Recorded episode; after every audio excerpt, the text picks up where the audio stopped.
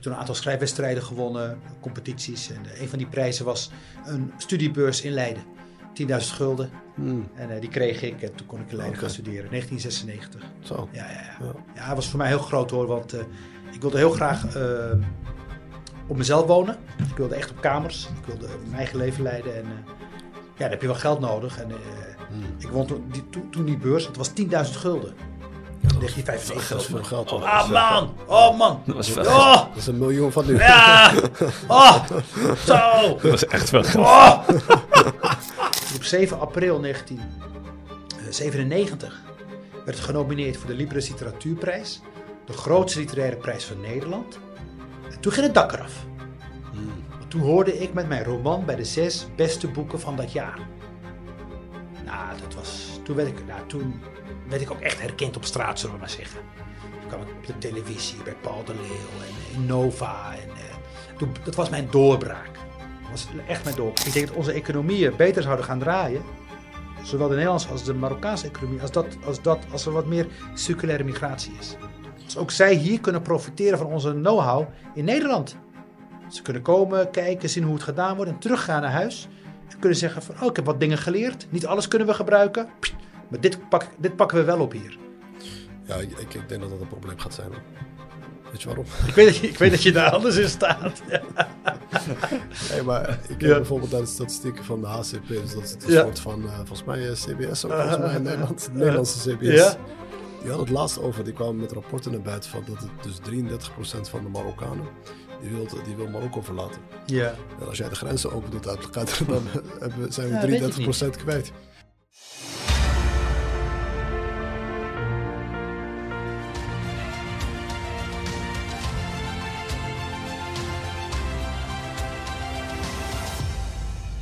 Welkom bij een, eh, een nieuwe en boeiende aflevering. Salam alaikum en eh, welkom bij een nieuwe aflevering van de High Frequency Podcast. Vandaag hebben we de eer om eh, in gesprek te gaan met uh, Abdelkader Ben Ali, of Ben Ali. In het Nederlands is dat dan. Precies, ja. Een veelgeprezen schrijver, een intellectueel, bekend om zijn scherpe inzichten en diepgaande verhalen. Abdelkader eh, is een eh, meester in het eh, weven van woorden en gaat ons vandaag verrijken met zijn ervaring. En eh, we krijgen reflectie op, op, natuurlijk op cultuur, identiteit en eh, zijn literatuur. Welkom. Dankjewel. Ja. Dankjewel. Het is eh, nogmaals een eer om je hier te hebben vandaag. Zeker. En eh, we beginnen altijd met een standaardvraag. Eh, wie is Abdelkader voor de mensen die je niet kennen? Ja, ik ben eh Abdelkader Ben Ali. Ja, Abdelkader Ben Ali. Eh, schrijver, programmamaker, theatermaker. ik schrijf al bijna 27 jaar romans, eh, theater, poëzie. En eh, woon in Amsterdam. Ik ben vader van twee dochters, Amber en, en, en eh, Henna. Eh, acht en drie. En ik, wij, wij maken dit programma nu in Tanger. En ik, ik woon ook deel van het jaar in Tanger. Tanger heb ik een appartement. En hier brengen we onze vakantie door. Ik ben ook heel graag in Tanger. Eh, ik doe ook veel onderzoek naar Tanger. Eh, het is een belangrijke stad voor mij. En, eh, en eh, ja, het is om die reden ook leuk om hier met jullie te zitten. Ja. In, in, ook een beetje in mijn stad, zullen we zeggen. Ja, ja. Wat ik altijd leuk vind eh, om te horen is altijd van, ik wil een beetje schetsen van wie Abdelkader was op een wat jongere leeftijd. Ja, En dan echt zo 16, 17 jaar. Ja. Wat voor persoon was je? eh, ja. kun je er wat meer over vertellen? Nou ja, ik, ben, ik kom echt vanuit een gewoon eh Marokkaans-Nederlands Rotterdam gezin. eh, was het? Rotterdam, Ja. ik ben goed Rotterdam. Mijn vader eh, komt uit, eh, uit, uit, uit, uit, het begin van Nador, Benishiker. Hij is al heel jong uit, Europa weg, uit Marokko weggegaan naar Europa. Zoals veel van zijn generatie, gastarbeider. Heeft zijn weg gevonden naar, naar, naar Rotterdam. Daar werkte hij, in, volgens mij in de haven, industrie. Kon op een gegeven moment de slagerij overnemen, midden jaren zeventig. Hmm. En heeft die slagerij toen overgenomen. En was, is eigenlijk een van de eerste slagers van, eerste islamitische slagers van, eh, van Nederland geweest. Het is heel gek eigenlijk dat we daar, Ja, dat we daar niks mee doen, weet je wel. Maar hij was echt een van die eerste ondernemers in Nederland. En eh, het is wel een bijzonder verhaal, omdat het, eh, hij had dan, die, die slagerij werd al gerund door een, door een, door een andere Marokkaan, een, een dorpsgenoot. Ja, bijna familie eigenlijk. Die man, die zei op een gegeven moment van, ja, ik heb genoeg centjes verdiend en ik wil mijn kinderen niet opvoeden in Nederland. Hmm. En is toen teruggegaan. En dan denk je, hé, jaren zeventig, waarom, waarom zou je teruggaan? Maar heel veel Marokkanen deden dat. Heel veel Marokkanen uit die, van die generatie die, naar Europa kwamen, zijn teruggegaan. We denken altijd, oh, ze kwamen allemaal en ze bleven. No, no. Heel veel bleven. Heel veel zijn weggegaan. En ook heel veel Marokkanen die wel bleven, hebben, hebben nooit een Nederlands paspoort aangevraagd. Mm. Dus ook een generatie, binnen die generatie, die zo op twee, weet je wel. Ja, maar mijn opa is eh, één daarvan, die was teruggekomen. Ja. Die had daar maar eh, een paar jaar gezeten of zo. Mhm. En, eh, Ja. en mijn andere opa, die, die leeft nu nog steeds. Die is volgens mij die 95, 96 jaar. En die woont nog steeds in Den Haag. En, en heeft hij wel Nederlandse nationaliteit Ja, aangevraagd? mij, ja, ik Ja, ja. denk het wel, ja. Want niet iedereen deed dat. ja. Nou, die man ging terug. Mijn vader nam die slagerij over. Ja, het, is- het is ongelooflijk. En, eh, en in 1979 zijn we in het kader van de wet gezinshereniging. Toen zijn we al Eili, zijn we, eh, ben ik met mijn moeder en zus naar, eh, naar Nederland gegaan. Naar Rotterdam en daarop gegroeid in Rotterdam. Eh, Hoe, oud was je toen? ja, ik was vier. Ja, dat was... Ja, ja, ja. gewoon opgegroeid. En, en bij mij zat de, de liefde voor lezen zat er heel vroeg in. De liefde voor literatuur eigenlijk, voor boeken, voor verhalen vertellen. Ik was ook zo'n jongen die gewoon op school altijd wel een verhaal had. een verhaal wilde vertellen. zich ook onderscheiden door te praten, door te vertellen. En ik was ook gewoon, ja, niet, niet een hele bijzondere leerling op school. Of dat, dat, dat bedoel, ik viel in die zin niet heel erg op. Ik was wel druk. Nog, Dat nog, steeds? Ja, dat is, eh, dat is ook zo. Maar het is nu gecontroleerd druk. Heel energiek. heel energiek. Het gaat er is energiek. Ja, vol, vol Het is energie. nu gecontroleerd druk. Toen schoot het alle kanten op. Maar goed, we hebben geleerd en eh, dat, zoals het gaat. En, eh, En had je nog een bepaalde studie of zo daarvoor? eh? ik heb geschiedenis gestudeerd in Leiden. Ja, ja, ja. Ik heb, in Leiden? eh, ja, ja. Oké. Ik heb toen een aantal schrijfwedstrijden gewonnen, competities. En eh, een van die prijzen was een studiebeurs in Leiden. 10.000 gulden. Hmm, En die kreeg ik en toen kon ik in Leiden gaan studeren. 1996. Zo. Ja, ja, ja. Ja. Het was voor mij heel groot hoor, want ik wilde heel graag op mezelf wonen. Ik wilde echt op kamers. Ik wilde mijn eigen leven leiden en eh, ja, daar heb je wel geld nodig. En eh, Hmm. ik won toen die, toen, toen die beurs, het was 10.000 gulden. Ja, dat, was, 1995. dat is veel geld. hoor. Ah man, oh man. Dat was veel Oh, Dat is een miljoen van nu. ja, oh, zo. Dat was echt wel geld. Oh, Hij, hij herinnert zich nog heel Ja. erg goed. nou, dat was een check. die duizend- Oh, ik, moest, ik moest toen naar het bureau van de universiteit. Ja. Moest ik me melden. Ik Ja. moet je voorstellen, komt zo'n Marokkaan komt zich dan melden voor geld. Ja. Zo. En er was een vrouw die zei, wat komt u doen? Ik zeg, ja, ik heb, een, eh, ik heb de prijs gewonnen van de essay. Hmm. Waardoor ik mag studeren hier. En ik moet hier mijn check komen ophalen. Ik zeg, ja, dat klopt, ja. En toen ging ze naar een kluis. Er stond een kluis. En die deed ze open. En dan haalden ze die check uit. En gaf ze het me. En toen zei ze wel, maar daarvoor, om die check te verzilveren, moet u een bankrekening openen. Toen ben ik aan de overkant van de straat. Hoe oud was je toen? Ja, ik was... eh, ja, nog- moet nog twintig worden. Oké. Toen ben ik aan de overkant van de straat bij de, bij de ABN AMRO. Heb ik een rekening geopend. Check verzilverd. Toen had ik 10.000 gulden. En ik, ik zat op kamers, 16 vierkante meter. Toen ben ik bij de kringloopwinkel. Ben ik een, eh, heb ik een bank gekocht. Een televisie. Zwart-wit televisie, weet je wel. Met zo'n Mm. met zo'n met zo'n met zo'n draad. En een tafel. En nog ergens een matras gescoord. Nou, ik, het was, was, toen was ik zelfstandig. Mooi, hè? Weet je wel. Ja. Ja, Die kringloop, bestaan die nog steeds? En die bestaan nog steeds. En, Ken je dat? eh, Ken je dat? Ja, die bestaan nog Die steeds. kringloopwinkels? Ja, van die tweedehands Ja. winkels, eh, ja. Ja, en die worden ook goed bezocht hoor. Die worden ook goed bezocht. En ze hebben wel eens wel goede, goede producten. Mijn moeder die lag me, eh, bracht, me altijd, eh, bracht me altijd naar een Ja. van die... En ik vond dat altijd een hel. Ik Ja. komen. ik was heel jong. Ik heb, mijn uitzet was 120 gulden. Voor 120 gulden had ik alles. Oké. Ja. Ja. ja, en toen heeft toch een, een- een- een vriendje van me, Abdelwafi, eh die was handig. Die heeft toch nog bij de Leun Bakker hebben we van die, eh, die tapijttegels gekocht, weet Ja, je wel. ja, ja, die heeft hij helpen leggen en eh, ja. Ja. toen woonde ik. Mooi. En wat heb je met dat geld gedaan dan, de rest van het geld? Nou, ik, ik, ik, heb, ik ben niet iemand, ik ben geen big spender, dus ik, eh, ik was gewoon heel blij. Dat, ik wist eigenlijk helemaal niet wat 10.000 gulden betekende. Laat Ik, ik bedoel, ik wist dat niet. Het was gewoon geld op de bank. En, eh, en, en net in dat jaar publiceerde ik ook mijn eerste roman, Bruiloft aan Zee. En, eh, en toen kreeg ik ook een column en, eh, en ik kreeg wat lezingen. Dus ik, kwam wel, ik, ik ging geld verdienen.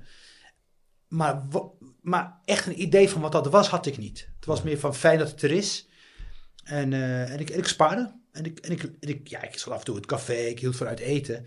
Maar ik, ik had niet een heel groot uitgavenpatroon in die zin. Ik kocht boeken, maar die kocht ik bij de slechte, tweedehands. Hmm. Dat, dat zit eigenlijk, ja. Dus je las eigenlijk vanaf jongs af aan al heel veel boeken. Ja. En je had al echt al heel veel interesse Ja, in... eh, ja, Ja, spannend. voor mij is het lezen is echt de basis. Eh, ik, ik lees elke dag een uur. En, en wat zijn dat voor boeken dan, als je dat voornamelijk leest? Eh, romans, Romans. non-fictie, eh, poëzie, theater. Het kan van alles zijn waar mijn interesse ligt. Dus als ik soms een onderzoek heb, dan, eh, dan, dan pak ik er boeken bij. Eh, als, ik, eh, als ik ergens naartoe ga, pak ik er een boek bij. Eh, ik, ik, ik hoor natuurlijk van, hé, hey, dat is een mooi boek. Dat is een mooi roman. Lezen. Nou, ga ik even kijken. Vind ik het wat? Ga ik lezen. Ja. Ik, dus ik lees wat ik leuk vind. Hè, mensen zeggen vaak tegen me, ja, hoe komt het nou dat jij elke dag kan lezen en zo? Het is zo moeilijk voor mij, ik eh, val erbij in slaap. Ik zeg, ja, maar je moet ook gewoon lezen wat je leuk vindt. Je moet niet lezen wat andere mensen zeggen dat jij leuk zou moeten vinden. Ga gewoon naar het boekhandel, de bibliotheek. Pak een boek dat dicht bij jou zit. Weet je, eh, waar jij nu behoefte aan hebt om verder te komen in, jou, in je eigen leven. En, en dat is dan je kompas, weet je wel. En niet, en niet doen wat andere mensen zeggen. Ja. Als je dat doet, dan ga je heel veel lezen. Weet je, omdat je namelijk... Uh, Cat Stafford, Mhm. dan pak je dat boek en dan bam, dan zie je iets en denk je, wow, dit gaat over mij. Of dit gaat niet over mij, maar het zou over mij kunnen gaan. Ik, ik wil het lezen, ik wil het weten. Ja, inderdaad, zo gaat het, ja. Zo voor het. mij is het ook... eh, ik herinner mij... Maar ik was toen heel erg jong, hoor. Ik, ik, ik weet niet hoe, laat, hoe oud ik precies was. Maar jij was op een gegeven moment ergens op eh, een of andere televisiezender. En, eh, en toen zag ik een Marokkaan die een boek had geschreven.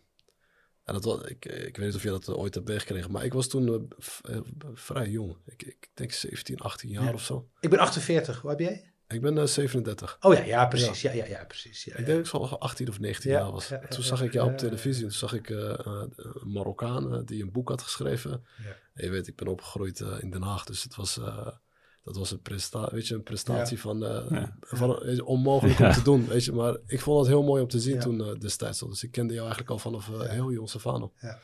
En eh, ik weet niet welke boek het was hoor. Want ik ben er toen niet dieper op ingegaan. Maar laten we naar de, de eerste boek. Hoe ben je er op een gegeven moment eh, opgekomen? Je zei Bruiloft aan Zee? Ja, Bruid aan Zee, maar de buurtroman. Ja, ik, ik, ik, ik won dus al die schrijfwedstrijden. En toen kreeg ik een brief van een uitgeverij uit Amsterdam. Die zeiden, we hebben gezien dat je succes hebt met, met, met je verhalen. Kan je een boek schrijven? En zij gaven jou een onderwerp of jij moest gewoon... Nee, ze gaven me een contract. Oké. En eh, met duizend gulden voorschot. Want Het, het is zo, een boekenland, je krijgt een voorschot. Hmm. Dat verdien je dan terug door verkoop. Maar dat, dat voorschot, dat, dat hou je. Dat is niet zo dat je dan een schuld hebt. Oké. Eh, Het is niet terugvorderbaar. Nou, ik had duizend, ik zeg ja, ik kende die mensen niet, maar ik, stu- ik, ik sprak met ze af.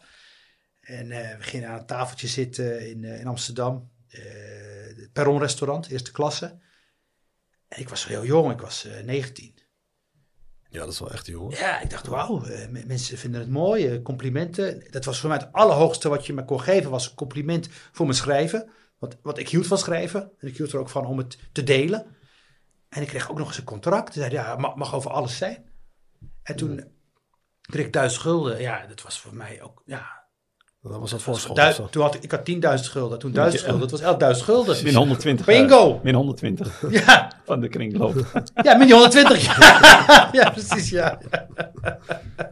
En- maar dan, dan was dat een voorschot of zo? Ja, gewoon Om- voorschotje. Ja, voorschotje dan- hier. eh, Ze geloven erin. Ja. Zo om je, om je, ja, om, om, het je het makkelijk te maken. Ja. Maar, dat, maar, maar dat werkt met die uitgevers, werkt dat dan van, eh, dus je krijgt een opdracht, eh, je, er, is, Ja. er is een contract, en dan betaal je Ja. ook royalties waarschijnlijk aan hun of zo, want ze pakken Nou, een je, bepaalde je, eh, eh, je krijgt een voorschot. Of Ja. niet, dat kan hè. Maar, en, dan, en, dan, en dan is er een staffeltje in, in, in wat je verkoopt. Dus je, je verkoopt van 0 tot 1000 boeken.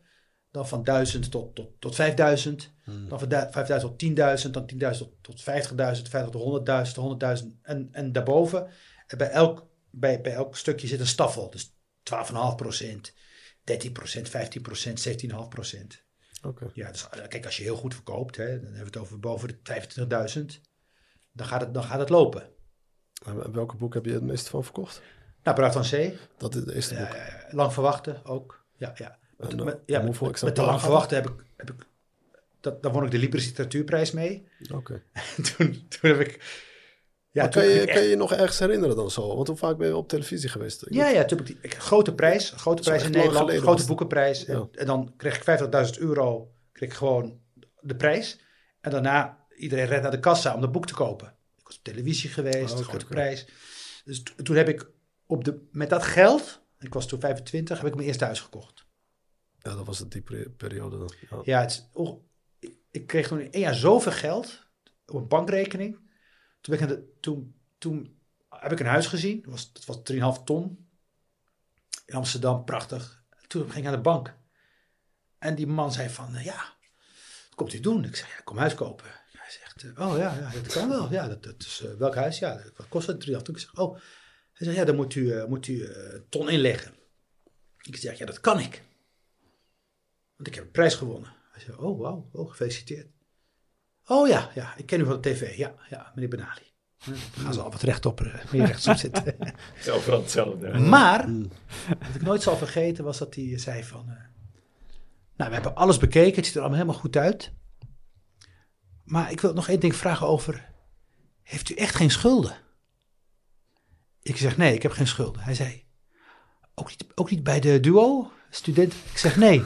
Hij zegt, nee. Hij zei, ik zei, nee, ik heb geen schulden. En toen keek hij me echt zo aan, zo van... Dat vond hij echt bijzonder. Verrast. Ja, dat, dat, dat de klant geen schulden had.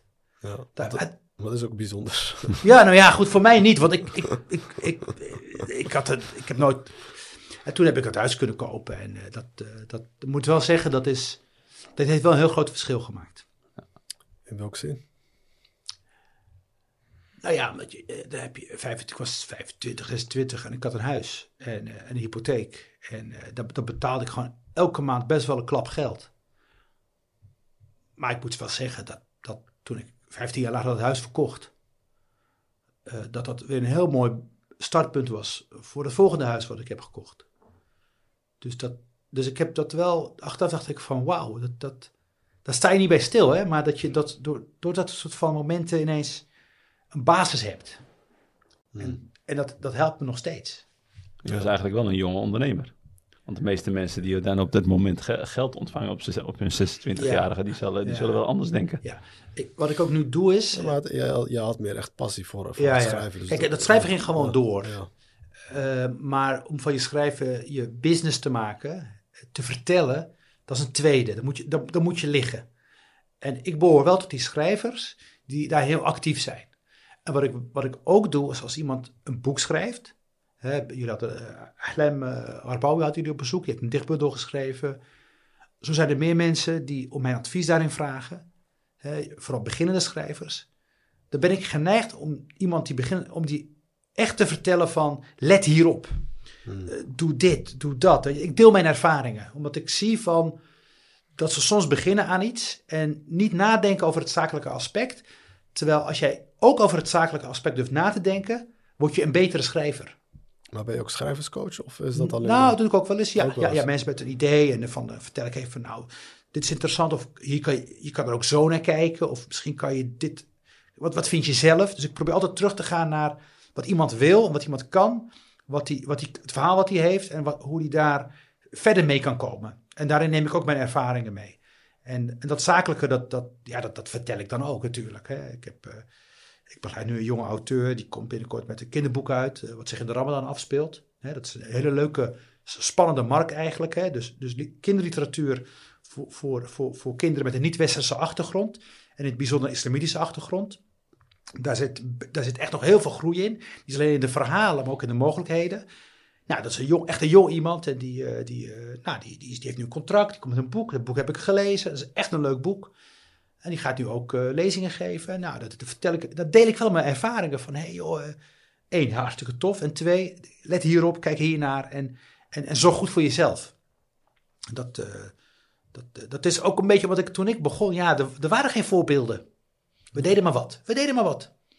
We deden maar wat. Iemand je nodigde je uit en je ging er gewoon naartoe. Mm. En uh, je, je, je, gaf een lezing en mensen vroegen dan aan het einde van de avond, mooie lezing, maar wanneer gaat u terug naar uw eigen land? Weet je wel, ja. ja dat was echt dat gebeurde, ja, gebeurde gewoon. Of dan gaf je ergens een lezing en dan uh, zei iemand aan het einde van de avond van, uh, nou, mooie lezing, maar heeft, u ook, heeft u ook een Marokkaans paspoort? En wanneer gaat u dat opgeven? Ja, ja dat gebeurde gewoon, ja, gebeurde oh, gewoon, ja, ja, ja. ja. Ja, okay. gebeurde gewoon. Ja, alles gebeurde. Alles gebeurde. Mensen, mensen waren echt ook heel positief. Dus mensen kopen er allemaal een boek. Maar als je, heel kwetsbaar, als je jezelf heel kwetsbaar opstelt en je bent open, dan, uh, dan gaan mensen ook heel open reageren. En dan, mm. en dan gaan ze ook dingen zeggen uh, die ze beter niet hadden kunnen zeggen. Maar omdat je zo open bent, lok je dat ook uit. Ja, ja, ja. Snap je? Dat is ja. gewoon nieuwsgierigheid. Schrok je van, schrok je van die uh, vragen? Ja, ik schrok ervan. Om, ik schrok van het feit dat ik ervan schrok. Ja. Want in principe, ja, je hoort de gekste dingen. Ja. Hmm. Maar, maar, toen ging ik erover nadenken, nadenken dacht ik, ja, je, je, je, je schrikt ervan omdat je denkt dat die persoon slecht bedoelt. Maar vaak is het helemaal niet zo. Vaak is, bedoelen ze het gewoon heel goed. Het is gewoon nieuwsgierigheid. Is dat een Dan denken ze, deze persoon heeft de hele avond zo mooi verteld over Marokko. Die jongen zal, volgens mij wil die jongen terug naar Marokko. dat is wat ze denken. Ja. That's Ze denken natuurlijk niet van, En jij achteraf. Nee, het is, niet, het is niet Wilders die praat, maar het is, het is eigenlijk bij hun een soort van, eh, ja, eh, Maria Theresa. Van, oh wauw, hij heeft mooi- zo'n mooi beeld van Marokko. Hij, hij raakt door geïnspireerd. Als hij, als hij over Marokko praat, dan, dan gaat hij echt aan. Nou, dan zal die, dan, nou we, we gunnen hem Marokko, weet je wel. En dat, dat was wel een leermoment. Dus, dus eh, om het gesprek aan te gaan, vooral wanneer je open bent en je vertelt veel, dan, dan zal je altijd ook iets terugkrijgen wat je niet had verwacht. Ja. Maar denk je ook dat dat de intenties eh, achter de vragen waren? In 99 van de 100 gevallen is de intentie Ja. goed. Oké. Ja, die ene keer is er, is er jaloezie. Hè, wat speelt? Van shit, eh, waarom hij wel die aandacht? Eh, het zijn vaak mannen ook, hè, die dan Mhm. dat, dat even dit willen laten zien. Van ik ben ook iemand. Of ik kan ook wat. Of ik ga je vertellen hoe het zit. Hè, en, en, en twee, ook heel vaak onwetendheid.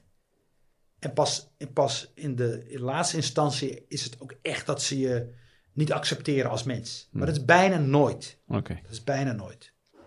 Want, mijn publiek is vaak, ja, mijn edip, zullen we maar zeggen, Ja. is, wel, is wel goed opgevoed. Hey, maar als je terugkijkt naar onze ouders, hè? Die, die, die, want daar hadden we het in het begin over. On- onze ouders, de intentie die ze hadden, die, dat was al- ook maar voor tijdelijk. Klopt. Want ik heb dat meegekregen hè? toen, toen mijn, ouders, mijn ouders kwamen om tijdelijk te werken en allemaal weer terug te gaan. Maar het is heel anders gelopen. Dan, is ongelooflijk. ja. Is ongelooflijk. en jij zegt nu wel dat er mensen terug zijn gegaan, maar ik kan me niet, ik kan me niet herinneren dat mensen terug zijn gegaan. Jij hebt het wel Ik, meegemaakt. eh, ik loop hier wel eens in Tanger eh, boodschappen te doen. en dan, ik- het was bijvoorbeeld, eh, je hebt de Soktebarra, heb je daarachter, heb je achter de vismarkt, dat, dan heb je de kippenboeren. En, da, en daarachter, da, daar werkte een man, stokoude man. Yarhamah, ik denk dat hij overleden is inmiddels. En die maakte ravioli, handgemaakt. Nou, dan kocht ik af en toe ravioli. Die man was stokoud. En op een dag zei hij tegen mij, hij hoorde natuurlijk aan mijn accent dat ik niet, eh, dat, dat, dat ik niet uit eh, Marokko kom. En hij zei, ja, waar kom je vandaan? Eh, ik zei, ja, Nederland. Hij zei, Nederland, ja. Hij zei, ja, Nederland. Volendam, Alkmaar, Amsterdam, Rotterdam, Utrecht. En dan ging hij vertellen wat hij had gezien. Hij zegt, ja, ik ben er in 58 geweest. Ja, 58. Ja, hij zei, maar ja, hij zei, maar toen was Marokko toch beter. toen al. Nee. Dat is iets wat we vergeten. Nederland in de jaren 50 was helemaal geen leuk land om te leven. Ja. Ja, dat was helemaal... eh, ja. Het was armoedig. Het, was, het was moeilijk. Het was lastig. Dus die man. En, en zo ken ik er meer verhalen van Marokkanen van die generatie. Vader van een vriend van mij. Zelfde. Hij zei. Hij was met het autootje vanuit Vis. Helemaal door Europa gereden. Nou, hij had iemand leren kennen in Nederland. Een Nederlander. Die had gezegd. Blijf hier. Had hem alles gegeven. Hij zei, hij zei nee. Marokko was beter. De koopkracht was beter in Marokko. Je kreeg. Het was een beter leven. Het ging omhoog. En Europa in de jaren 50, 60 was nog aan het opklauteren. En we, we vergeten dat. Ja, dat was We Tweede vergeten dat. We vergeten. Nu jij vaak in Tanger bent, hè? Ja. Denk je nog steeds dat Marokko beter is dan, eh, dan, dan- dan Nederland? Ook nu in deze huidige situatie? Of denk je van, nou, nou Nederland Ja, is... kijk, kijk, kijk eh, daarna heeft natuurlijk West-Europa heeft natuurlijk, eh, zeg maar, eh, een ontwikkeling doorgemaakt van wat heb ik jou daar. Hè? Mhm. Is ongelooflijk. Eh, de digitalisatie, de technologisering, de digitalisering, dat is allemaal... Maar wij zitten nu, denk ik wel in Europa, in een, op een soort kritische grens van hoeveel groei we nog aan kunnen. Ehm, en dat is natuurlijk in Marokko niet het geval. In Marokko is de groei eigenlijk eindeloos in die zin. Want heel veel dingen die wij in Nederland voor elkaar hebben, qua infrastructuur, eh, qua sociale voorzieningen, qua onderwijs, qua- daar is hier nog, er zit nog heel veel ruimte in. Eh, die ruimte is natuurlijk ook niet eindeloos, maar de groei naartoe is natuurlijk wel eindeloos. Want je kunt altijd verbeteren. En dat is eh, hier natuurlijk eh, een heel ander verhaal. Hier, en in Dan veel- delen, we, dan delen we ook dezelfde Nou ideeën. ja. Want zo, de- zo denk ik er ook En, en, en in veel elementen zal natuurlijk Marokko nooit dat niveau van Nederland halen. Dat, dat kan ook niet, dat hoeft ook niet. Ehm, is misschien ook helemaal niet zo belangrijk. Maar je hebt hier natuurlijk te maken met een hele jonge bevolking. Uh, wij hebben daar, ik heb daar wel vaak uh, gesprekken over, weet je. Dan denk ik van, ja, maar wat is goed dan? Weet je? Precies, of, wat is goed ontwikkeld? Wij komen, ja. wij komen er nu ook achter in het Westen, dat het beste is de vijand van het goede. Hmm. Elke keer maar weer die groei zorgt voor vervuiling. Zorgt voor uh, gezondheidsklachten. zorgt voor dat we ongelukkig oud worden. Willen we dat eigenlijk wel? Nou, ik denk het niet. Ik denk het niet. Ik denk op een gegeven moment, ja, kan je met één auto ook gewoon 30 jaar toe. Weet je wel? Twee, jaar op vakantie, twee keer in het jaar op vakantie. Moet, dat eigenlijk wel? Dus, dus, dus heel veel van de verwachtingen die we hebben over hoe groei eruit moet zien en welvaart eruit moet zien, staan onder druk. En dat snap ik ook wel, want we, we vervuilen de hele wereld kapot. Door hoe we het nu doen, nou. gaat de wereld gewoon kapot.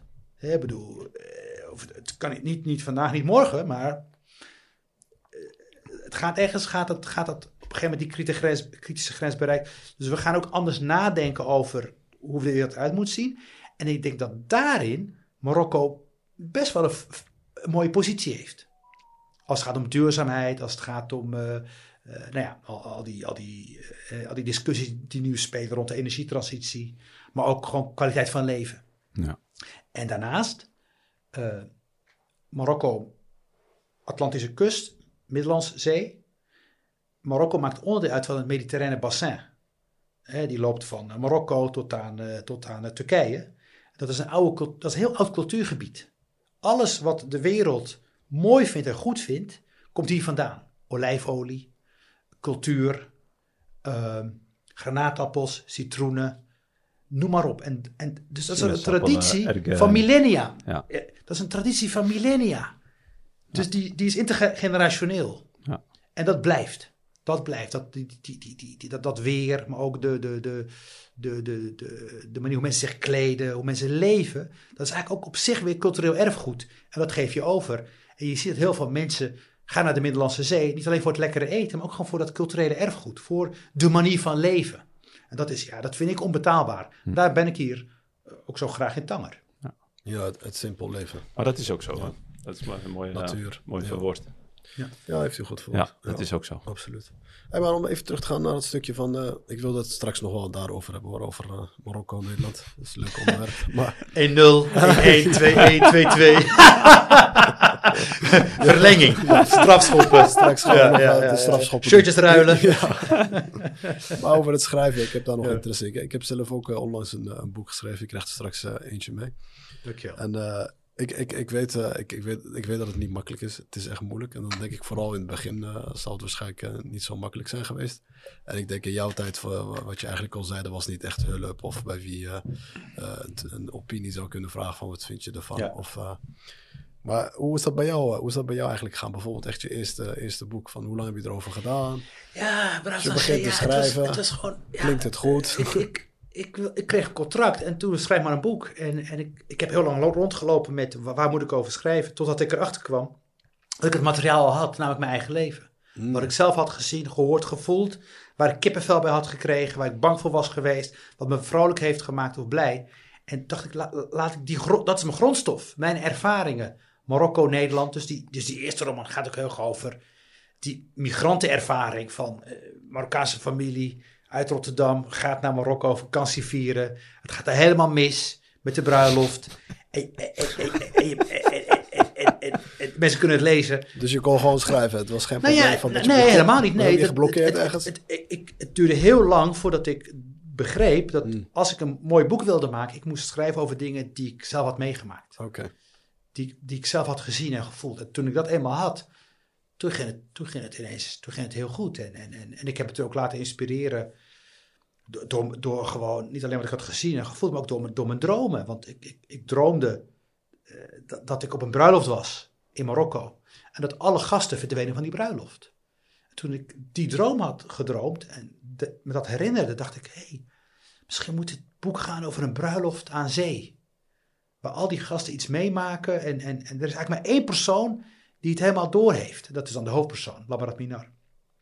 En dat werd het begin en toen ben ik gewoon gaan schrijven. En, en natuurlijk, kijk, ik, ik was niet naïef, want ik had al heel veel boeken gelezen. Ik had al heel veel kennis, zeg maar, gewoon door te lezen. Dus ik wist wel hoe je verhaal moest schrijven. Alleen dat het, dat het, dat het 160 pagina's zou worden en dat het een, heel, dat een hele roman zou worden, ja. dat wist ik pas toen het boek af was. En toen gaf ik het aan de uitgever. En ik had zoiets van, ja, hoe stel hem, weet je wel? Ja, ik weet het niet. Zie je. Ik heb het alleen met plezier geschreven. In mijn, ik woonde bij mijn ouders. Ik had een kamer en ik had een computer. En ik schreef gewoon elke avond. Ik kwam van school. Ik deed het HBO. Ik kwam van school en dan ging ik een uurtje schrijven. Voor het slapen gaan. En dan gaf ik het aan de uitgever. En die zeiden van, is goed. We geven het uit. Toen kreeg ik wat aandacht in de media. Ik was gaan studeren in Leiden. En het boek was eigenlijk eh, was uitgebracht, maar een paar mooie kritieken, een paar, mooie- recensies. Daar moet je het dan van hebben. Een paar lezingen. Nou, prima, mooi. En toen dacht ik, nou ga ik verder met studeren. En toen op 7 april 1997 werd het genomineerd voor de Libris Literatuurprijs. De grootste literaire prijs van Nederland. En toen ging het dak eraf. Hmm. Want toen hoorde ik met mijn roman bij de zes beste boeken van dat jaar.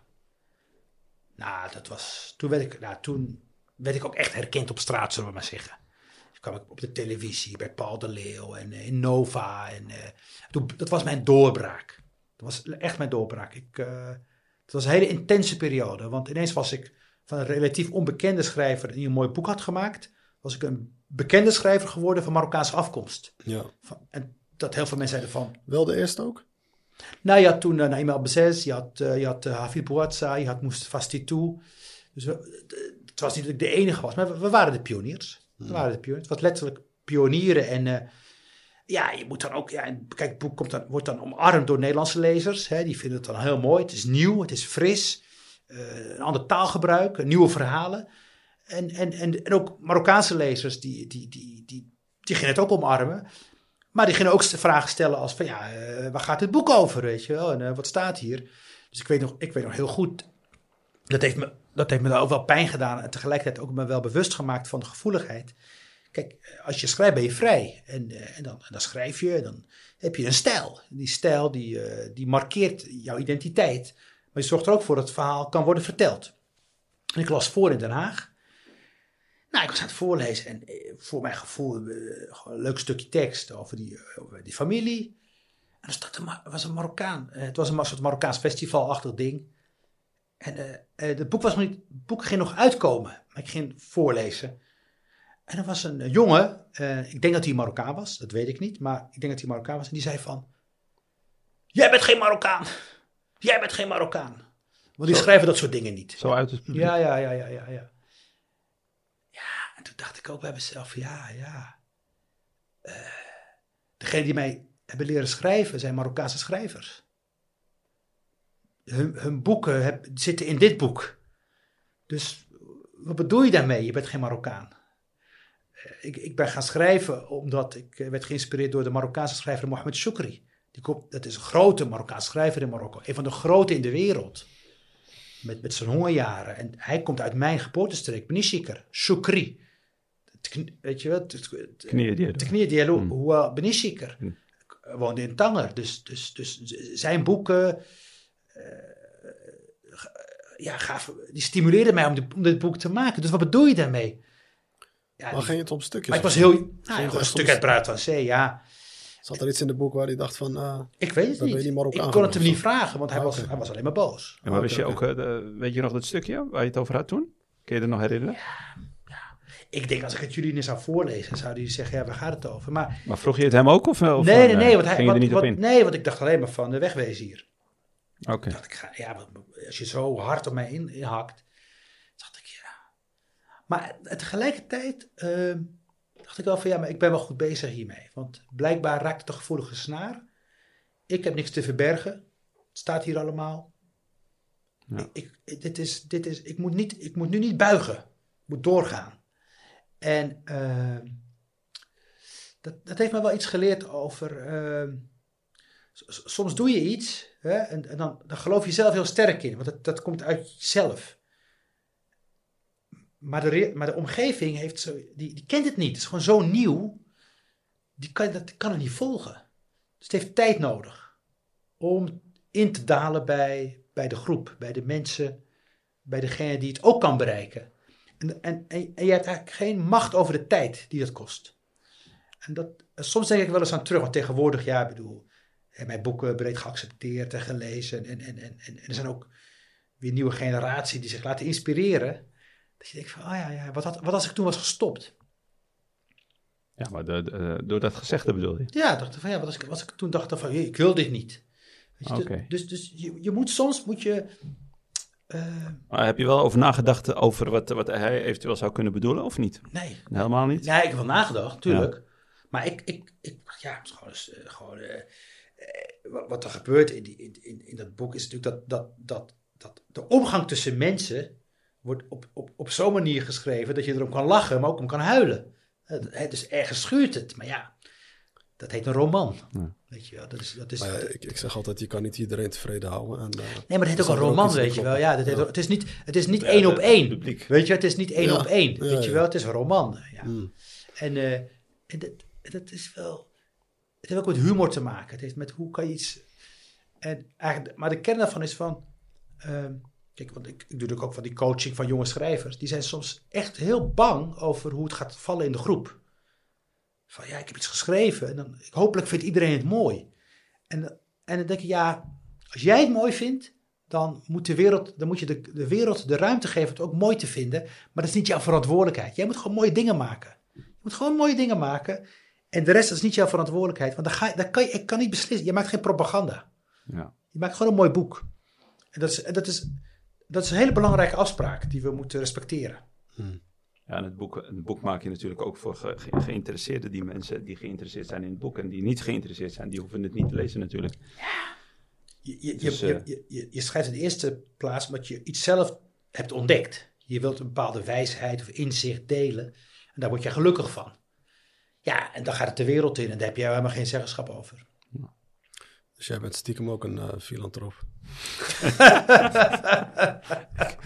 Waarom zeg je dat? Want je, dit is iets wat we net hebben besproken voor de uitzending. Ja, je wil informatie delen. Nou, weet je, Ja. kijk, ik ben natuurlijk 48 en eh, ik- het is heel leuk om eh, je kennis te delen. Ja, Het is gewoon heel leuk. Gewoon- Ga je voelt je wel aangesproken, want je praat erover. ja, het is gewoon heel Snap leuk. je? Nee, op dat moment over, de, over de, die opmerking bedoel ik. Toen, Ja. ja, ik, heb het toen ik, ik was toen zo jong, joh. Ik was 19. Ik, ja maar dan schrik je er wel ik, was, ik schrok me gewoon helemaal rot, want ik dacht Ja. van hij, hij, eh, hij zet me nu, eh, weet je wel, eh, blok. te kakken eigenlijk. En, Ja. eh, eh, eh, hoe, hoe dan, weet je wel? Uiteindelijk, het is allemaal goed gekomen, want ik heb natuurlijk zoveel positieve reacties. Ja. Bedoel, dat, dat boek is in twintig talen vertaald en eh, dat, dat loopt nog steeds door. En eh, het is ook in Marokko verschenen. Het ook eh, ook eh, hier, hier, goed verkocht en mooie recensies gekregen. Dus dat, dat, dat is het niet. Ja, maar je is ook, ik zeg altijd, kijk naar het grotere plaatje. Je hebt ook heel veel mensen geïnspireerd. Hè? Ja, ja daarom. Eh, ik kan je wel zeggen, kijk, ik heb dat net niet uitgelegd, maar op het moment dat ik bijvoorbeeld zag van ja, dat ik, ik, ik zag een Marokkaan die een boek had geschreven, Ja. maar die betekenis was veel groter. Ja. Het was van, eh, net alsof ik voelde van, eh, oh ja, wij Marokkanen kunnen dat Ja. ook, weet je. Dus, Ja, ik, het is gek. Je hebt- Ik, heb, ik, had, ik noemde net al de, eh, de Marokkaanse schrijver Mohamed Choukri. Ja, ik heb dat boek gelezen toen ik 16, 17 was. En ik, het gaat over Marokko en over, over eh, wat ze dan noemen de hongerjaren. Hè? De jaren 30, 40. Toen hier in de, in welke taal is je dan? het was vertaald naar het Nederlands. Ah, het is in het Nederlands. Ja, ja, toen al. Oké. En de jaren 80 al vertaald. Toen, Oh. Maar toen las ik zijn boek in die vertaling. En ik, en ik, ik las dat hij uit Beni Sikr kwam. Ja, dat vond ik echt zo bijzonder. Zo bijzonder dat, dat een wereldberoemde schrijver kwam uit dat gehucht waar ik ook vandaan kom.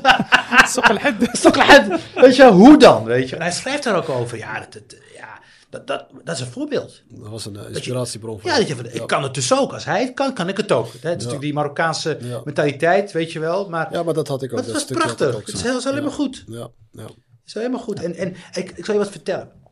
Ik was een keer op het boekenbal. eh, dat is het grote, het grote feest van, van de literatuur in Nederland, één keer in het jaar. En ik was, ik, was, ik was jong. Ik was echt jong. En ik was ook onzeker. Al die grote schrijvers, al mijn helden liepen daar rond. En er liep er ook een filosoof rond. Hij had ook een boek geschreven. En die filosoof die doseerde aan mijn universiteit in Leiden. En ik ging naar die man toe en ik zeg tegen hem: Gefeliciteerd met uw boek. Hij had een boek uitgebracht. Eh, Het werd ook ge- gerecenseerd in alle grote kranten. Ik zei tegen hem: Ja, het is toch heel bijzonder dat, eh, dat, dat, dat u dat boek heeft kunnen publiceren. Toen zei hij: Ja, maar jij kan dat ook. Mm. Zo. Hij draaide het om. Het prachtig. Zo, die man, ik hij had er niet hoeven zeggen. Wel, gewoon een grote filosoof. Hij had zo'n uh, vlinderen. Wat is zo'n dingetje? Zegt zo. Ja, voor mij, weet je wel. En, eh, hij zei, nee, jij kan het ook. Eh, waarom? Kiefers. Weet je, ik dacht, mooi, mooi, goed. En Gaat zo, en, zo, en zo moeten, nee, maar zo, dat, dat dacht ik wel van, eh, het gaat niet of ik het wel of niet kan, maar hij, hij wilde eigenlijk iets anders zeggen. Hij wilde zeggen, je moet mij niet gaan, je moet mij niet groter maken dan ik ben. Ja. Hm. Ik, ben, ik heb gewoon eh, gestudeerd net als jij, ik heb een weg afgelegd. En, we- en we krijgen kansen en we maken iets. Ja. En de wereld, en de wereld vindt daar iets van. Ja. Maar dat is niet aan ons. Wij moeten gewoon maken. Ja. We moeten gewoon doorgaan. Ik, oké, wauw. Fijn. En wat is voor jou eh, persoonlijk eh, de beste boek die je hebt geschreven? Ja. Waar je denkt van, dat is een favoriet.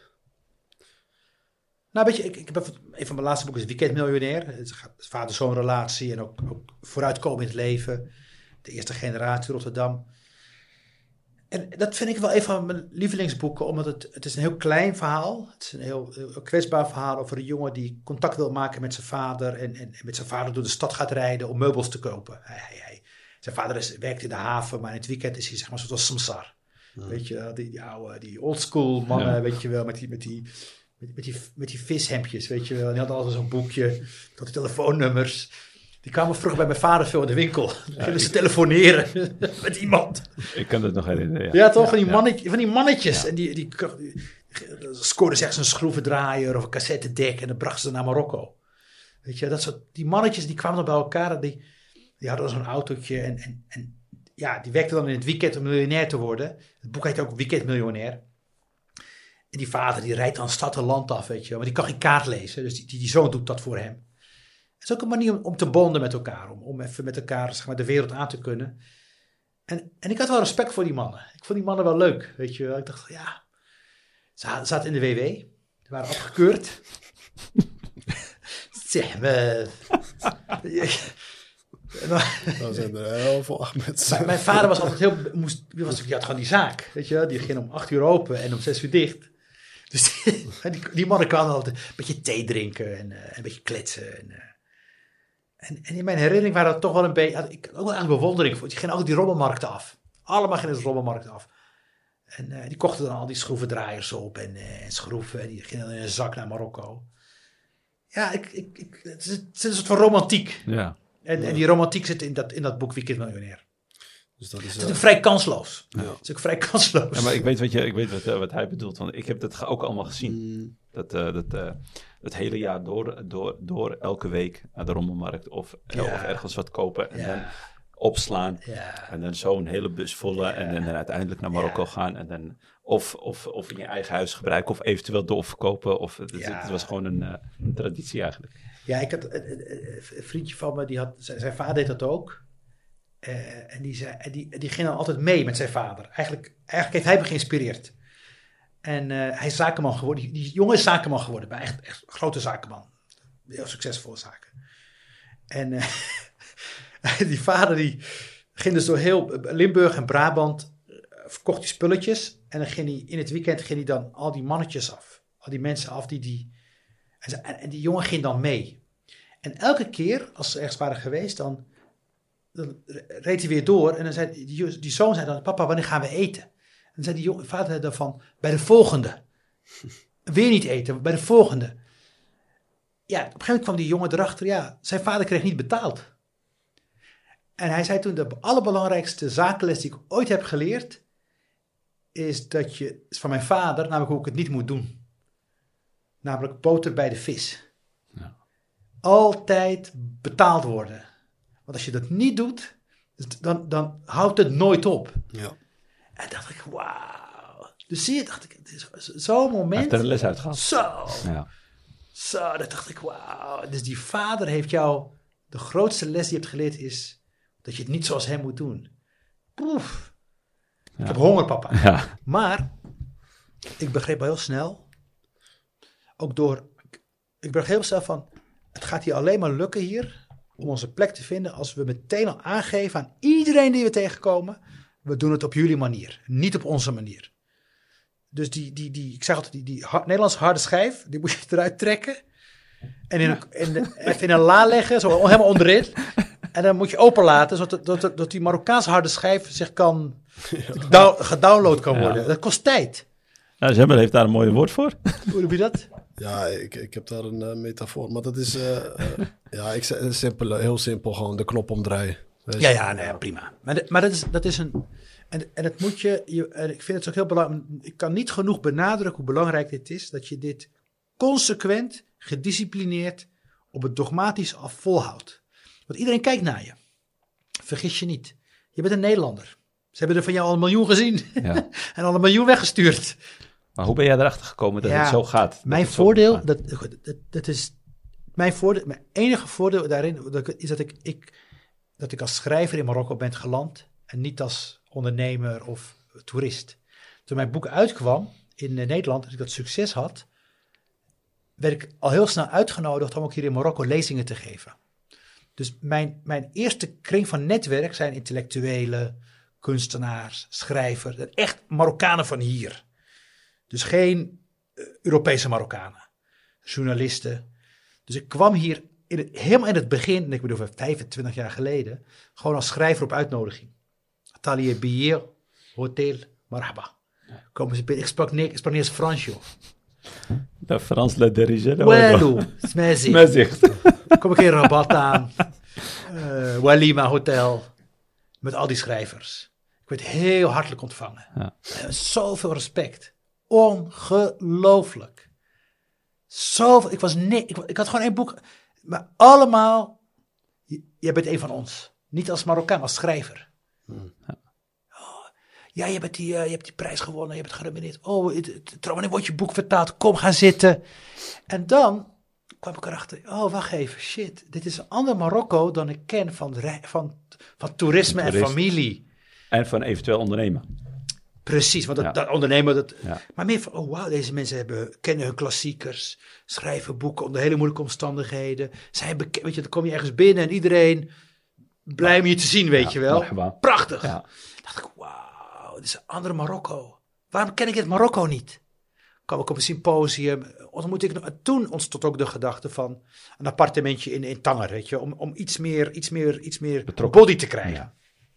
En toen kwam ik er wel achter, omdat ik natuurlijk met die schrijvers zat. En, en, en, en dacht ik, als zij het al zo moeilijk hebben hier, als Marokkanen.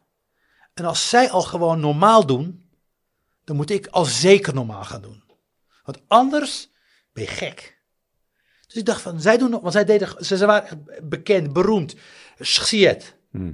Ze deden gewoon normaal. Snap ik wat ik bedoel? Ja, ja. Gewoon geen, eh, eh, hoe zou ik het zeggen? Ja, toen kwam ik erachter, oh wauw, eigenlijk is het zo in Marokko, of je nou die schoenenpoetser bent, of die, die hooggeplaatste persoon, uiteindelijk moet je allemaal door diezelfde mal, door diezelfde deur. Ja.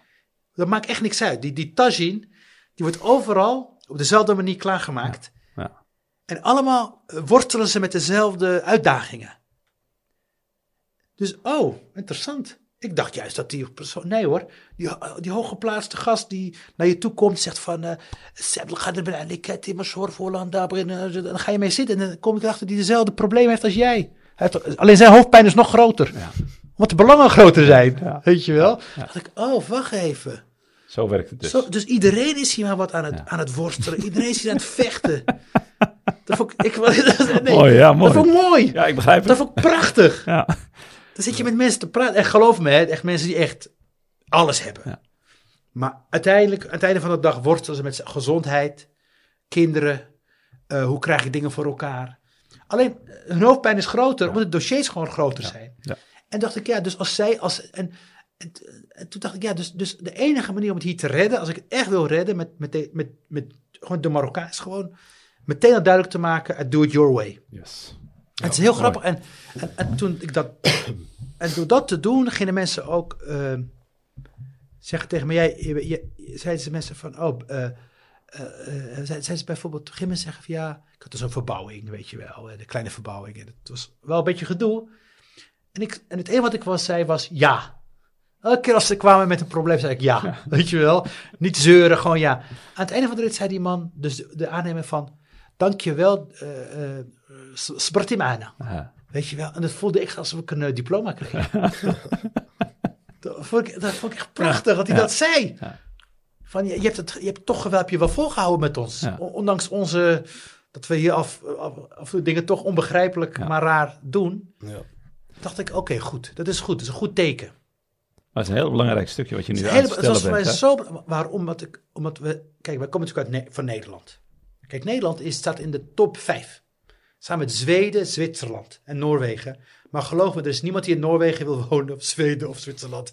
Nederland is wat dat betreft het leukste land om te wonen. Dan kom je vandaar naar Marokko, waar heel veel dingen nog echt in de kinderschoenen staan. En je mag een bijdrage leveren. Je mag iets helpen opbouwen met mensen die ja, die, van heel ver komen ook. Want, want eh, eh, mensen hebben soms eh, heel veel aan hun hoofd. En, moet, en maken echt speciaal voor jou tijd vrij om, om iets te doen met je. En dat, dat vind ik wel heel bijzonder. Weet je, want dan hoor je die verhalen. denk je, zo heftige verhalen. Waar mensen mee kampen, gewoon op dagelijkse basis. Dus ik, ik, ben, daar- ik ben natuurlijk wel kritisch, maar ook wel dankbaar dat ik, dat dan, dat ik dan ook hier gewoon mee mag doen in die zin. Ja. Mooi verhaal. Snap ik wat ik bedoel? Ja, ja, zeker. Zeker.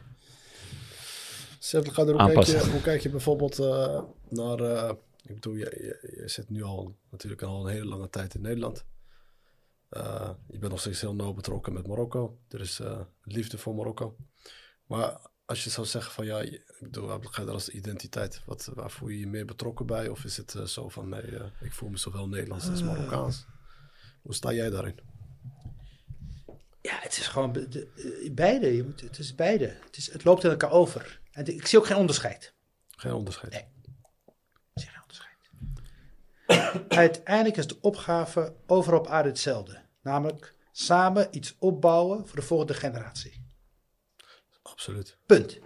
Als dat je uitgangspunt is, kan je over de hele wereld reizen. Dat is waar. Dus toen Ga je, zo sta je erin. Zo staat het hier. Waar ik ook, Marokko, de verschillen zijn heel klein. Je kan die verschillen groot maken, dat kan je doen. Maar heb je dagtaak aan. Maar je kan ook zeggen, ik zoek de overeenkomsten, ik zoek de samenhang, ik blijf dicht bij mezelf en ik kijk wat er mogelijk is. Dan kan je heel ver komen. Waarom? Omdat diegene die naast je staat is precies hetzelfde. Die wil gewoon dingen voor elkaar krijgen, de dingen oplossen, korte termijn. Dat is al heel wat. En het feit dat wij meerdere identiteiten hebben en dat wij met ons paspoort, Nederlandse paspoort, vrij kunnen reizen, is prachtig. Hier kunnen ze niet vrij reizen. Ze moeten in een, in een rij gaan staan. Mijn collega-vrienden, jour- journalisten, schrijvers, moeten in een rij gaan staan voor een visum. Ja, ik vind het echt, ik, ik, dat vind ik, ja, ik vind dat, dat vind ik eigenlijk een schending van de mensenrecht. Ja. Vind ik. ja, ik begrijp wat je bedoelt. Ik denk, denk ja, ik, ik, ik kom hier gewoon in en uit, in en uit, in en uit. De vrijheid die dat geeft, joh. En hij moet eh, nog 100, 200 dollar betalen, euro, de, het dossiertje Ja, opbouwen. eh, hij, hij is gewend, maar ik snap het eigenlijk. Ik vind het eigenlijk niet, ik vind het niet goed. Ik Ja. vind het niet goed. Ik denk dat onze economieën beter zouden gaan draaien. Zowel de Nederlandse als de Marokkaanse economie. Als, dat, als, dat, als er wat meer circulaire migratie is. Als ook zij hier kunnen profiteren van onze know-how in Nederland. Ze kunnen komen, kijken, zien hoe het gedaan wordt en teruggaan naar huis. En kunnen zeggen van, oh, ik heb wat dingen geleerd. Niet alles kunnen we gebruiken. Pst, maar dit, pak, dit pakken we wel op hier. Ja, ik, ik, denk dat dat een probleem gaat zijn hoor.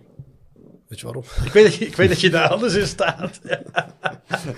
Nee, maar ik Ja. bijvoorbeeld naar de statistieken van de HCP. Dus dat is een Ja. soort van, eh, volgens mij eh, CBS ook, volgens mij in Nederland. De Nederlandse CBS. Ja. Die hadden het laatst over, die kwamen met rapporten naar buiten van dat het dus 33% van de Marokkanen, die wil, die wil Marokko verlaten. Ja. En als jij de grenzen open doet uit elkaar, dan hebben zijn we Ja, weet ik 33% kwijt. Nou, weet ik niet. Als het je- niet meer is. Nee, want je kan natuurlijk... Kijk, van die 30 procent Ja. komt de helft gewoon met, met de staart tussen de benen weer terug. Ja, Want die, die, die, klap, die, die, die klappen om in Europa. Hè? Dat, dat, dat ene heimwee is heel sterk. ja, Hè, veel van mijn vrienden die zeggen, ja, ik kan gewoon niet wonen in Europa. Kijk, Die hebben alles, ja. maar die zeggen, ja, familie. Marokko, familie. Ik kan dat, ik trek het niet. Te- Maar, maar eh, dat zijn waarschijnlijk dan wel wat mensen die het wat beter hebben. Ja, goed, dan, heb je dan. Ja. De, goed, sowieso, veel van die mensen, die, die zeg maar, de, de, gelukzoekers, die, Hmm. met, met heel, die, die klappen ook om. Want die vinden gewoon geen werk. Die vinden gewoon geen werk. Die, de- dan, en dan? Weet je, Ja, wel, dat zeg ik ook altijd. benen. Ja. Ja. Eh, derde punt is, op een gegeven moment krijg je natuurlijk door migratie, krijg je een, een, een, een eh, worden Marokkanen hier ook beter van. Welvaartsniveau gaat omhoog, komen hier meer, meer kansen, wat ertoe leidt dat de migratie hier weer wordt, dat afrent. Dus het probleem is nu als alleen dat, dat om in het buitenland te komen, moet je zoveel investeren. Je bent zo 20, 30, 40 mil verder voordat je daar bent in Parijs of Frankfurt of... eh, dan ga je natuurlijk nooit meer terugkomen naar Marokko. Want je moet die investering terugverdienen. Dat kost een heel leven. Ja, en dan zit je vast. En dat is denk ik het grote probleem. Dat, dat, dat, dat, dat de, de, de verwachtingen zo, zo totaal overspannen. Dat is een beetje hetzelfde als eh, het legaliseren van, eh, van wiet. Dus eh, of je kan zeggen van ja, het is legaal en je mag gewoon roken. En dan, Maar het is niet, het- wist je dat in de jaren negentig had, had Marokko een verdrag met Spanje voor vrije migratie? Hmm. Er gingen gewoon seizoensarbeiders. Gingen tomaten plukken in Almeria. En wanneer, wanneer was dit? Jaren negentig. Jaren 90. Ja. Ja. Dat vergeten we. Ja. Ja, het is, het is totaal... Het praten over migratie totaal hysterisch. Ja. Alsof, Marok, alsof alle Marokkanen naar Madurodam willen. En Madurodam gaan bezitten. Ik, het, het, is, het is waanzin. Nee, maar dat is wat ik bedoel. Hetzelfde met dat eh wiet legaliseren. Ik denk juist als je de grens gewoon open doet. En je zegt van ja, ze mogen gewoon vrij eh, gaan reizen. Dat je juist eh Kijk, ik kan het met voorwaarden. Hè. tegenovergestelde gaat krijgen. Je hebt ook altijd voorwaarden. Maar je moet het reguleren. Ja. Je moet het, dat, dat, dat, dat is realistisch. Weet je waarom? We zijn in Tanger. Als er een brug was geweest, als er een brug was geweest naar Spanje, dan, dan hadden jij en ik daar naartoe kunnen wandelen en terug. Dus Zuid-Spanje, dit deel van het is gewoon deel van, van de Marokkaanse invloedssfeer. Een deel van de economie, van de globale economie. Er is, dus, dus er wat water tussen zit, maar het is gewoon een markt. We waren nog afgelopen weekend aan Ja. de overkant. Ja, Ja, Hij geloofde niet eens dat ik zei van ja, dat is Marokko. Zei hij, is dat Marokko? Ik zeg ja, dat is Marokko. zo dichtbij. Het is zo dichtbij. Het is gewoon, het is die Hij zegt, Span... kan zwemmen. Ik Ik- zeg ja. Met de kerst komen de Spanjaarden hier hun gambas kopen. Die pakken de boot, Hmm. met, die komen dan met zo'n lege emmer. Die kopen hier dan die, die, van die rode, die noemen ze, die noemen ze eh. Dat zijn van die hele grote rode gambas. Royal Ja, eh, die is alleen, die is alleen in dit, deze driehoek van de wereld is hij te vangen. Maar die kost daar het dubbele en dan met de kerst weet ik veel. Die kopen ze dan hier voor drie, vij- 350 dirham de kilo. Klopt, En dan laten ze de, die kopen ze de hele markt leeg hier bij Sogdebarra. En dan steken ze weer terug. Het is gewoon een markt. Het is gewoon de markt. Dus, Ja. dus, en tegen de markt ingaan is onnatuurlijk. Dus zeggen die markt willen we niet, of die, da- dan krijg je dit soort problemen. Dat mensen gaan zwemmen, op een bootje springen. Die denken dat eh, Maar ja, goed, paradijs aan de andere kant van de... Het is, het is vooral een politiek probleem. Het is niet een Ja, ja, sociaal ja. probleem. Ja. Politiek, Ja, dat geloof ik ook. gewoon politiek. Maar er zijn, wel, er zijn wel echt wel heel veel jongeren die... eh, vooral, je hebt eh, misschien Ja, wat, wat kijk, wij, wij hebben in eh, Europa gezeten en ik, snap, ik, ik, snap die men- ik snap die jongeren soms echt, Ja. echt niet. Ja, maar ik kan het niet begrijpen, omdat hij, het is een onbekende voor hem. Weet ja. niet wat er aan Ja. de overkant zit. Ja, maar, maar kijk, het- migratie hoort bij de Marokkaanse geschiedenis. Eh, we hebben in Quds heb je Bab el de poort van de Marokkanen. Weet je wel, in Damascus heb je een Marokkaanse wijk. Ja. In, in, in, in, in, in Saudi-Arabië heb, heb, je, heb je Marokkaanse aanwezigheid. In, in, tot aan Irak. Ibn Battuta, die komt hier uit, Oh, uit, Tanger. Overal. Die heeft de hele wereld gezien. Ja. Migratie is de. Zeg Marokko, zeg je migratie. Dat, als jij naar Mali gaat, je gaat naar, eh naar, naar Djenné, daar ben ik geweest, heb je de Moorse wijk. Het is net alsof je in Marrakesh loopt. Mm. Het is Marrakesh. Het is ongelooflijk. Een, Marokka, Marokkaanse architect- architectuur. Dat is, dat komt door Marokkaanse. De geschiedenis van Andalus is migratie. Ja. Hè, Cordoba werd klein, klein Damascus genoemd. Is migratie. Dus, dus, dus zeggen tegen Marokkaan, je mag niet migreren, eigenlijk zeggen, je bent geen Marokkaan. Interne migratie in Marokko. Ongelooflijk. Suessa, Ruefa hebben Tanger gebouwd. Ik denk dat bijna elke koopman in eh, Tanger een, een Soesie is. Na, na de onafhankelijkheid trok ze. Je hebt die hele wijken. Daar worden vroeger Spanjaarden en Italianen. Die trokken weg. Daar zijn ze de gekomen. Die, hoe weet je, dat, hoe weet je dat, eh, dat, dat de handel stil ligt in eh, Tanger? Dat is met eh eh eh, Eid el-Kabir. Ja, dan gaan ze allemaal terug. Gaan allemaal naar uh, Tefroot. Ja, ja, dat is waar. Het is gewoon, is, wat is dat? Heet, dat is migratie. Dus, Ja. dus, dus ik, ik, weet je wel, ik, ik, ik- vraag me dan af van eh, hoe, hoe, hoe nauw wil je dat definiëren? Ja. Ja, maar het is niet zozeer het stukje van eh, dat we niet willen dat ze niet eh, gaan eh, emigreren. Dat is niet het probleem. Maar het is wel voornamelijk waar wij het over hebben, zijn echt die gelukszoekers. En daar heb je er gewoon een heleboel van. En als jij tegen mij zegt van ja, nee, hier in, eh, in Marokko kan ik het niet eh, voor elkaar krijgen om een stabiele inkomen te Ja. creëren. Ja. En dat lukt alleen als Ja. ik in Europa zit of waar dan ook. Ja, ja maar ja, dan, kijk, iemand, zo iemand probeert het, klapt dan om. Ja. Het is niet zo dat je oversteekt dan ineens dokter Anders is in de rechter. Nee, dat, zeggen, dat, eh, dat leggen wij ook uit. Nee, maar, nee, maar, nee, kan je niet uit, nee, maar 10-0 kan, nee, nee, maar kan je niet Ja. uitleggen. Kan je niet uitleggen. Dat is niet uit te leggen. Ja, Ik, eh, ik, ik, eh, wat je niet kan uitleggen is bijvoorbeeld dat in Nederland tussen oktober en, en maart om vier uur eh, iedereen binnen zit. Dat het donker is. Dat kan je niet uitleggen. Tot iemand het meemaakt en dan tegen mij zegt van hoe, hoe jij het al 40 jaar doet. Deze hel. Dat, is niet uit, maar kan je, dat kan jij niet uitleggen. ja. Dlam. Dlam Hollande, ja. Dat kan je niet uitleggen. Tot iemand het een keer meemaakt en dan zegt... Wat je ook niet kan uitleggen hier is dat, eh, dat in, in Nederland eh, is om zes uur gaat iedereen eten. ja. En dat is klaar. Kan je niet uitleggen. Dan zeggen ze, ja, nee, ga ik ook doen. Ik zeg, nee, ga jij niet doen. Jij gaat er kapot aan. Nee, nee, nee, ik kan alles, zeggen ze dan. Antar, weet je wel. Ja. Ik zeg, nee, jij gaat kapot aan dat je om zeven uur... kijk je naar buiten en dan mis je je moeder. Ga je... Nee, nee, nee, ik ga het doen. Nee, nee, nee. Ja. Dan word je de FaceTime. Ik zeg, Ja. ja. Dan maken ze mee en zeggen ze, ja, ik ga terug naar, ik ga terug naar Marokko, want ik mis mijn moeder. ja. Zo is het. Ik heb, zo ik heb een, een aantal jaar in eh, Antwerpen gezeten. En, da- en daar zaten echt heel veel van die Marokkanen. Die, eh, dan is, eh, die hebben meestal geen verblijfsdocument. En die, die werken dan in die bakkerij. Ja. In die, kappers, in Beetje overleven. Ja, gewoon overleven. Ja, ja. En dan al- als ik altijd vroeg van ja... Ik zeg tegen hem, ja, dan zei ik altijd tegen ik kende er, ik kende er een heleboel. En, en er was er eentje, die zat daar al 18 jaar. Die was kapper.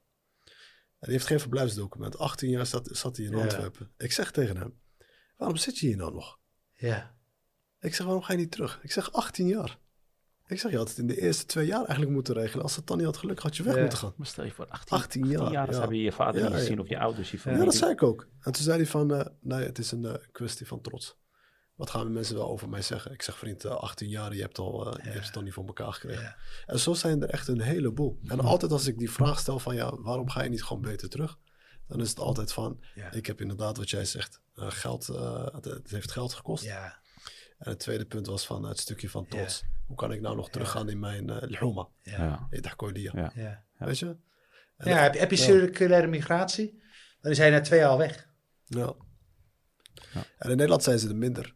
Omdat Nederland gewoon veel strengere regels heeft. klopt. Dus daar kwamen ze niet tegen. Klopt. Maar Het is België... rigider. Het is- het Nederlandse systeem is, is, net- is Nee, je moet gewoon vastzitten. ja, Ik kende zelfs persoonlijk een aantal die hadden gewoon echt maanden vastgezeten voordat ze vrij, eh, Ja. terug werden gestuurd of eh, Ja. vrij werden gelaten. Maar in België was het, eh, was het heel anders.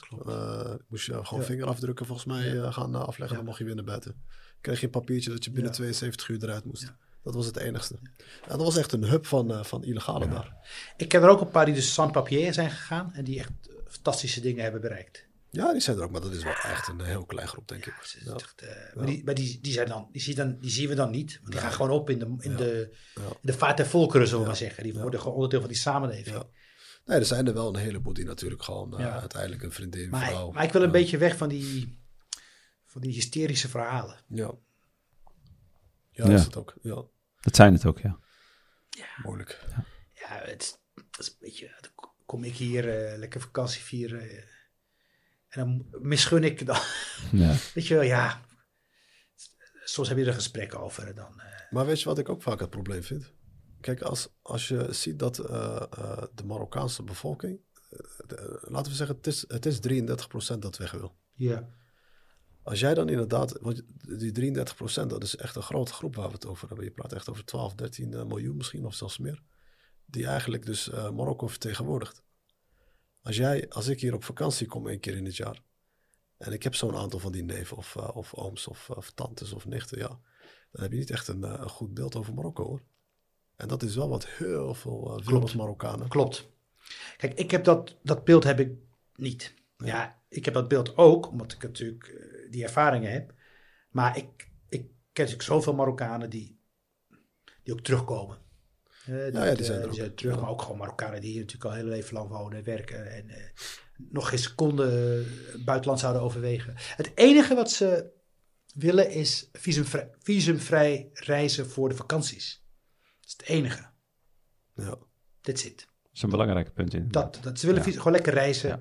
eh, de wereld zien. Ze hebben vaak goed inkomen. Eh, Ja, dat zijn er wat modale, degenen die het Ja, wat modaal hebben. ja. Ja. En wij kennen er ook een heleboel die gewoon altijd reizen. Die zijn, die zijn er zo Ja. trots op Ja. dat het daar niet komt sparring. Die zijn alleen, alleen nog maar aan het reizen. Ja, ja klopt. Ja, ja. Die zijn, Ja. er, die zijn er Ja. ook trots ja, op ja, Ja, gaan. natuurlijk. Ja, ja, Ja. ja. ja. Want ze hebben een visum gekregen. Ja.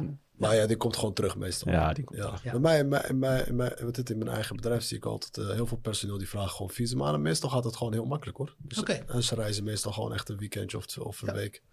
En dan eh, komen ze weer terug. Dus, eh, maar het, het wordt inderdaad wel een beetje eh, moeilijk gemaakt. Hmm. Het was eh genoeg hè, om eh, je verhaal te horen. Zeker. En Ik mijn heb, stem is een beetje... nee, ik heb sommige verhalen, daar stond ik echt zo. Ja, Nou, leuk, leuk, Ja. eh, leuk dat jullie dit doen. En eh, ja, laat het, laat, het, laat het mensen inspireren. En eh, ja, zeker. om, om- Wat is jouw persoonlijke advies naar, eh, naar de mensheid toe? Of naar eh, onze kijkers? Nou, weet je, eh, ga het avontuur aan. Weet je, en laat je niet afspreken door de Indianenverhalen. Ik bedoel, eh er is ook zo'n platform waar verhalen worden gedeeld. Dat is gewoon heel belangrijk. En eh, kijk, ik, ik ben hier bijna nu tien jaar geleden geland in Tanger. En dat was fantastisch, sowieso. En, en, maar, maar aldoende leer je, leert, je, je bouwt netwerk op en gun jezelf de tijd, weet je wel, om te landen. Als je dan iets gaat beginnen, ga eens even kijken of de Mar- Marokkaanse manier van doen jou ligt.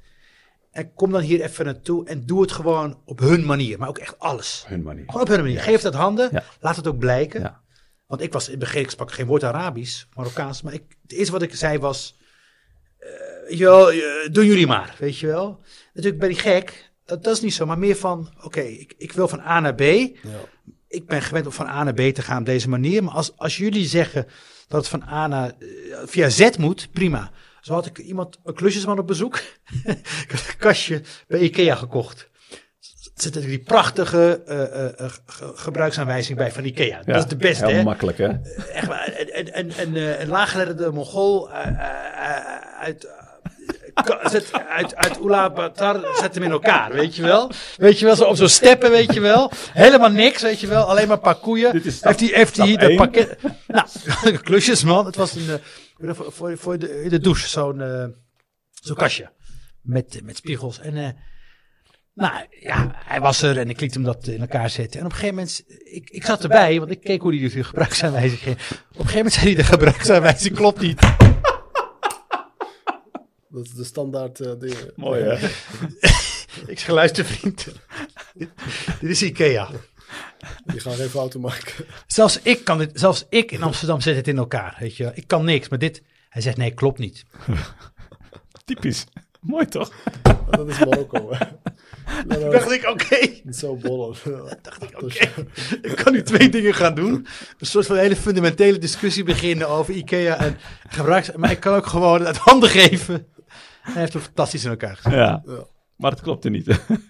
Ja, je moet gewoon ja zeggen. Ja, het is aardig. Jij weet beter.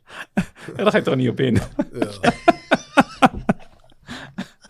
maar dat, zijn, dat is een goede voorbeeld. Ja. En, En eh, zo gaat het. En zo gaat het. de, de laatste. Nou, kijk, de vraag is natuurlijk de kijkers, maar wat levert het mij op? Hè, dat, dat is de vraag van de kijker.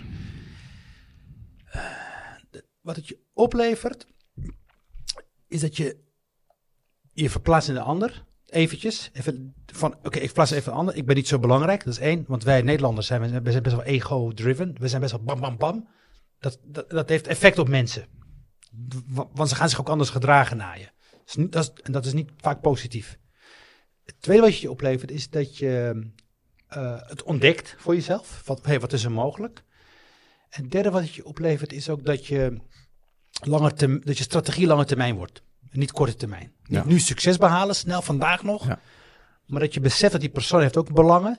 En die, voor een Marokkaan, die denkt nooit vandaag. Die denkt, die denkt wel vandaag, maar alles is verbonden met elkaar. Allemaal onzichtbare draadjes. En dat heeft ook te maken met lange termijn. En als je daarin wil gaan opereren, dat lange termijn, dan moet je dat gaan snappen. En dat kan je alleen maar snappen door er doorheen te gaan. Klopt. En, en, en ik had het een keer met, ik had een project en ik was niet zo tevreden over wat daar gebeurde. Met die, met die derde partij met wie ik zaken deed. En toen zei ik tegen die vriend van mij, een Marokkaanse vriend, Vessi, ik zei, ik zei, ja, die gast, die, eh, die doet dingen, ik ben het gewoon niet met hem eens en ik, ik vind daar wat van. Ik ga het hem zeggen. Hij zei, dat moet je niet doen. Ik zeg, waarom niet? Hij zegt, weet je, Abdelkader, je kunt nu wel boos op hem worden, maar dan is je relatie kapot. Maar dit is nou juist zo'n relatie die nog heel lang duurt. Dus je zult hem nog echt nog heel vaak nodig hebben voor misschien nog wel veel grote problemen om op te lossen. Dus wil je dat wel riskeren? En dat vond ik zo moeilijk, joh. Dat vond ik echt heel moeilijk. Want ik- dacht, "Pff, ja, maar ik heb echt wel een probleem met hem. We hebben gewoon een andere visie. Moet ik, en ik wil nu, ik wil dat hij weet van mij dat ik een andere visie heb en dat hij moet. En toen liet ik het even bezinken en toen heb ik het, toen dacht ik, nee, wacht even, lange termijn. En het, en het was zo goed advies van die vriend. Want uiteindelijk heb ik het, op een andere manier heb ik het wel benoemd, maar het is op een gegeven moment gaan liggen. En ik heb nog altijd heel veel profijt van die lange termijn relatie die we hebben. Ja. Doordat ik het heb laten liggen, heb durf laten liggen. En ik denk dat ik dat, dat is iets wat je echt moet leren. Dat is, nou ja, En zoveel zijn er nog tig voorbeelden Ja, van toch? dit soort dingen. Ja. Hoe, je, hoe, je, hoe je dingen moet eh, Ja. aanpakken. Ja. En dat is, eh, dat is belangrijk Ja. in Marokko. Kijk, Zo werkt het. En in Nederland zouden we dat niet doen. Maar hier moet je het juist wel doen. Klopt. Je laatste boek, waar kunnen, die mensen, waar kunnen mensen die kopen? In de boekhandel. Boekhandel. Boekhandel, bol.com, alle... Ja. En dan in het bijzonder dus mijn, mijn boek eh, eh, eh, Reizigers van de Nieuwe Tijd. Mhm. Want dat gaat over migratie deze kant op vanuit Nederland in de 17e eeuw. Nederlandse piraat, Jan Janszoon. Die raakt, zonder, raakt zijn werk kwijt in Nederland tijdens de oorlog tegen Spanje. Komt dan naar de Middellandse Zee. Komt in, eh, in eh, Rabat Saleh terecht. En groeit, wordt moslim, Murat Reis. En groeit uit tot een van de belangrijkste mannen van Marokko op dat moment. Mhm. En daar is een televisieserie van gemaakt. Van vier afleveringen. Die komt op NPO 2 vanaf februari en, eh, en, en februari, maart. En we hebben ook hier in Marokko gefilmd. En het leuke was in Marokko begint die man ook echt bekend te raken bij de YouTubers. En, en, en, en, en men is heel trots op hem. Want men ziet hem als, als, een, eh, als een moslim die opkwam voor de Marokkanen. Mhm. Dus dat verhaal vertellen we ook hier Ja. in, eh, in Rabat Saleh. Dat heeft echt een eh, prachtige documentaire opgeleverd. Heb je nog een eigen website? Of die... Je kunt me volgen op Facebook en, en, en Twitter. Ja. Oké, we, Dat is snelst, snelst en het makkelijkst. we zetten alles in de beschrijving. Dankjewel. Bedankt. Dat was Dankjewel. mooi. Tot de volgende keer. Inshallah. Inshallah. Assalamu alaikum.